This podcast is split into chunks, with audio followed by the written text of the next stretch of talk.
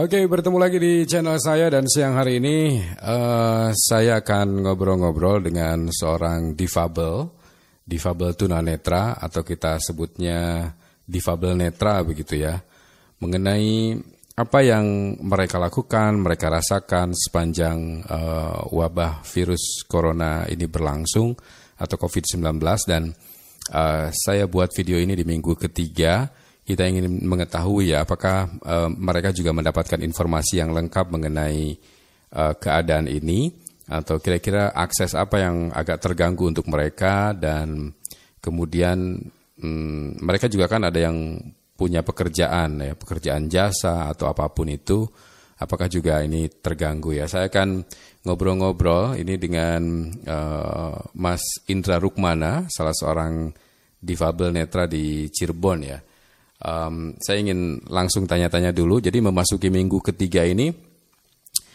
uh, apa yang paling dirasakan oleh uh, teman-teman difabel ini? Dampak di minggu ketiga mungkin sangat dirasakan sekali, Mas. Uh, kenapa? Karena di sini mungkin yang mengandalkan penghasilan mm -hmm. uh, harian, ya dia sudah berkurang ya simpanan keuangannya gitu. Terus anak-anak sekolah pun udah mulai bosan.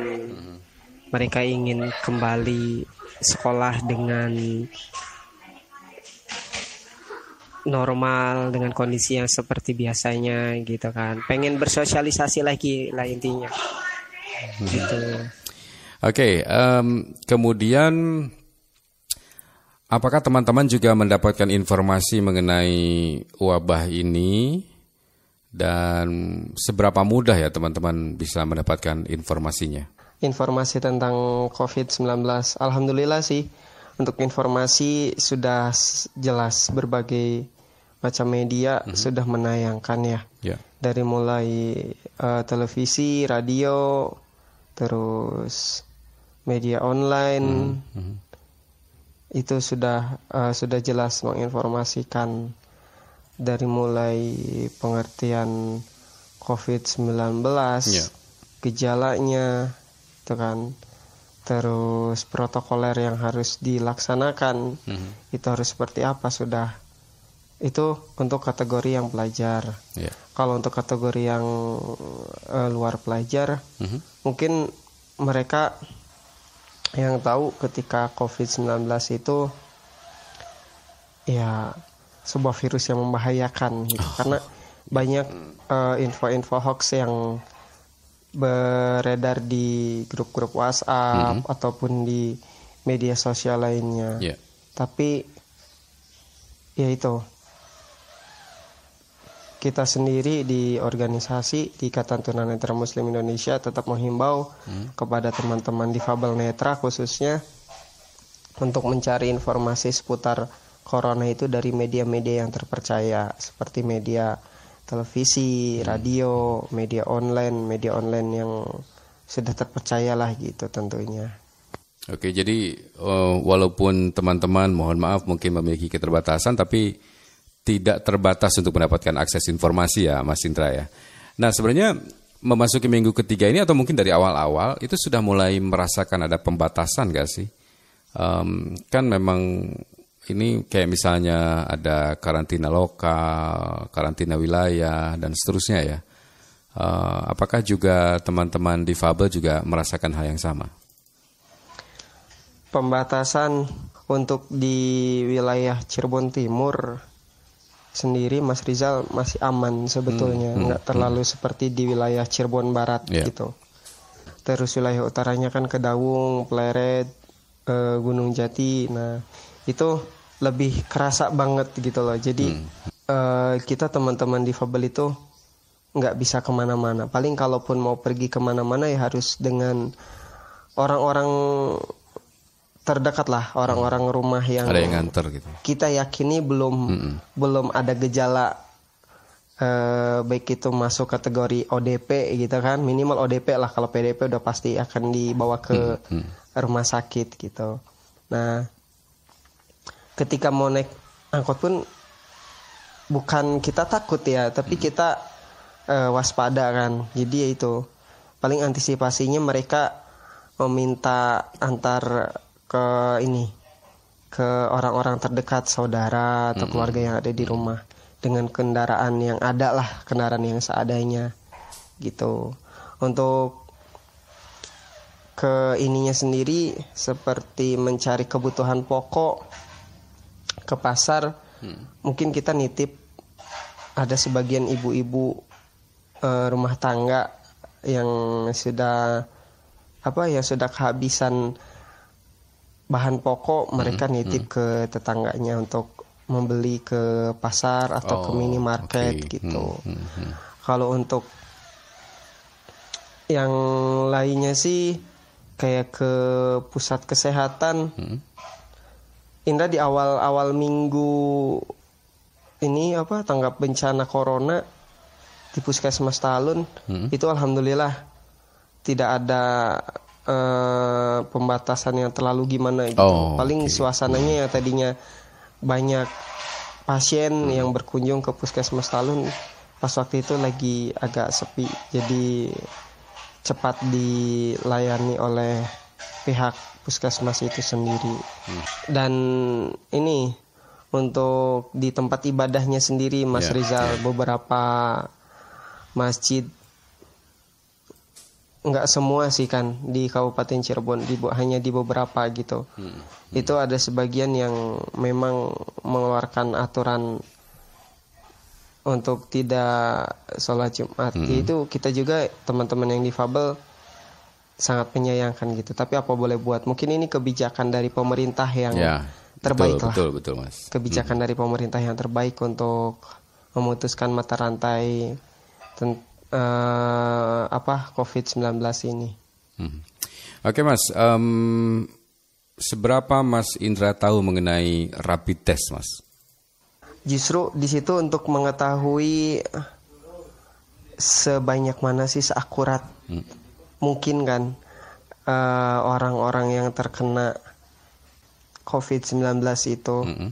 kalau sekarang ngandelin uh, ngandelin apa namanya pemeriksaan satu persatu dengan waktu yang lama kan akan lama juga ya, betul. gitu hmm. Hmm. karena ya itulah untuk menentukan mana orang yang positif dan mana orang yang negatif hmm. dan itu berlaku untuk orang-orang yang ODP dan PDP ya kalau nggak salah yang Indra tahu gitu hmm. Hmm. tapi alhamdulillah untuk sejauh ini teman-teman difabel yeah. dari wilayah Cirebon Timur sampai Cirebon Barat alhamdulillah aman ya sehat semua gitu. alhamdulillah gitu. oke okay. nah Um, apakah ada semacam pendataan gitu ya, pendataan atau pemeriksaan dari Pemkab Cirebon sendiri um, untuk teman-teman difabel ya, uh, kaitannya dengan COVID-19 ini, Mas?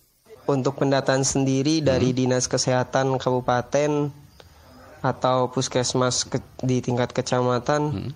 itu belum ada, Mas, oh, belum okay. ada belum ada pemeriksaan secara dini gitu. Hmm. Jadi ya itulah. Tapi beberapa hari yang lalu teman-teman banyak yang melaporkan hmm. hanya sekedar flu, batuk biasa okay. gitu. Hmm. Dan ya itu sih disarankan aja paling hmm. untuk banyak istirahat. Istirahat ya, minum. Itu yang gitu. terpenting. Hmm, hmm, hmm. Kalau untuk suplemen, vitamin kayak gitu kita jujur sangat sulit sekali, Mas. ya, Cari ya. di apotek hmm, hmm. mana pun itu sangat sulit lah. Hmm. Itu kan padahal yang mendasar sekali gitu untuk betul, menjaga betul. imun tubuh. Oke. Nah, kan ini harus belajar di rumah ya dari awal uh, ada instruksi untuk kemudian belajar di rumah. Jadi apa nih yang paling terdampak buat teman-teman nih belajar di rumah ini? Karena belajar harus di rumah, buat kita yang difabel netra Mas Rizal, hmm. karena kan belajar itu nggak cuma mendengar, okay. nggak cuma mendengar. Nah sebagai pengganti penglihatan kita adalah meraba, hmm. meraba langsung. Hmm. Kita sulit ketika uh, Indra sendiri gitu sebagai uh, seorang tenaga pengajar yang membahas satu materi lah. Mm -hmm. Nah si objek itu harus diraba oleh yeah. siswa. Mm -hmm. Nah karena lagi di masa-masa seperti ini kalau langsung kan Jelas mungkin ya? bisa dirabakan langsung, ya, bisa ya, dipegang betul. langsung hmm, oleh hmm. siswa. Hmm. Nah kalau kayak gini kan harus mendeskripsikannya sedetail mungkin hmm. gitu, sedetail mungkin. Terus ketika ngasih tugas ke orang tua pun si orang tua itu belum tentu memahami, hmm. belum tentu hmm. memahami hmm. hmm. tugas dari guru untuk anaknya gitu loh. Terkadang ada kesalahpahaman guru ngasih soalnya A, ternyata orang tua memahaminya itu B. B. Nah, itu bagi hmm. uh, para siswa yang tidak punya akses smartphone. Tapi kalau yang punya akses smartphone mungkin uh, siswa yang bersangkutan bisa tanya-tanya lebih jelas ke hmm. Indra langsung gitu hmm. tentang tugas yang diberikan atau ke guru-guru yang lain sama seperti itu. Hmm, hmm, hmm, hmm. Dan untuk teman-teman yang kuliah pun ya ada beberapa materi yang hmm. sama sih intinya mereka perlu raba okay. atau mungkin pertanyaan kalau di kelas langsung kan tatap muka hmm, hmm, itu betul, betul. nggak dibatas pertanyaannya kalau di kelas online kan uh, hanya tiga penanya saja. Hmm, itu sih hmm, hmm. hambatannya. Terus sama jaringan kalau di kelas online itu sama jaringan, jaringan yang kurang kadang-kadang bagus ya, kadang-kadang enggak. Itu yang menghambat. stabil. Uh, eh, okay. yang menghambat hmm, hmm, hmm. kita dalam proses kegiatan belajar mengajar. Oke, okay. nah bagaimana dengan teman-teman yang punya usaha, Mas Indra? Uh, kan juga ada yang punya usaha jasa dan seterusnya. Kabar mereka gimana, Mas, sekarang? Untuk kabar teman-teman difabel sendiri khususnya difabel netra eh, dari awal sampai sekarang alhamdulillah sehat Mas Rizal mudah-mudahan tidak ya? ada satupun yang terkena ODP amin, amin. kasihan sanak keluarga gitu hmm, hmm. makanya kita himbau untuk tetap di rumah kalau tidak terlalu penting-penting sekali hmm. gitu kan baru kalau ada yang mendesak ya seperlunya aja lah sesuai himbauan okay. dari pemerintah yang diberlakukan. Oh iya ada yang tertinggal Mas Rizal itu yang usaha usaha teman-teman hmm. hmm. difabel ya. Ini uh, yang Indra tahu kabar dari teman-teman difabel netra, yeah. khususnya di wilayah Kabupaten Cirebon mereka yang punya jasa terapis pijat ya sebagai masyar. Hmm itu jarang sekali mendapatkan pasien baik itu di tempat mereka praktek mm -hmm. ataupun di ini dipanggil ke rumah ke rumah-rumah gitu ya. pasien yang membutuhkan. Mm. Nah, itu jarang sekali. Makanya mereka banyak yang bukan mengeluh sih sebetulnya tapi merasakan dampak sekali gitu Terdampak, apalagi mereka yang ya. hmm. mengandalkan uh, apa mengandalkan mendapatkan uang dari ya, jasa ya, betul. terapis pijatnya itu itu Mas Rizal. Hmm, hmm. Oke Mas, terakhir Mas ada ajakan nggak Mas dari Mas Indra untuk siapa pun itu ya uh, untuk kita sama-sama memerangi wabah ini Mas, silahkan Mas. Himbauan untuk memerangi COVID-19 jaga kebersihan hmm. terutama hindari kontak langsung uh, ketika ada di luar rumah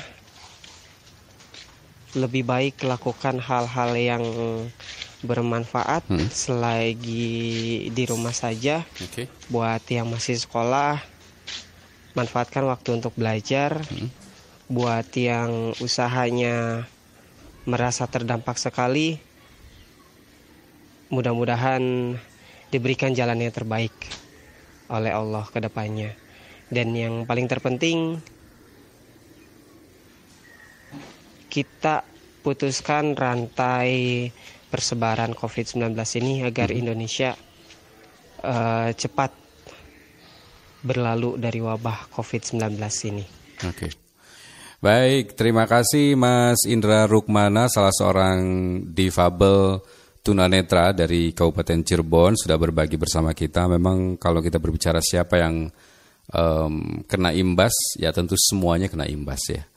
Mari kita sama-sama putus mata rantai penyebaran dari uh, wabah ini dan kita akan segera song-song hari esok yang jauh lebih baik di mana kita bisa kembali tersenyum seperti sedia kala.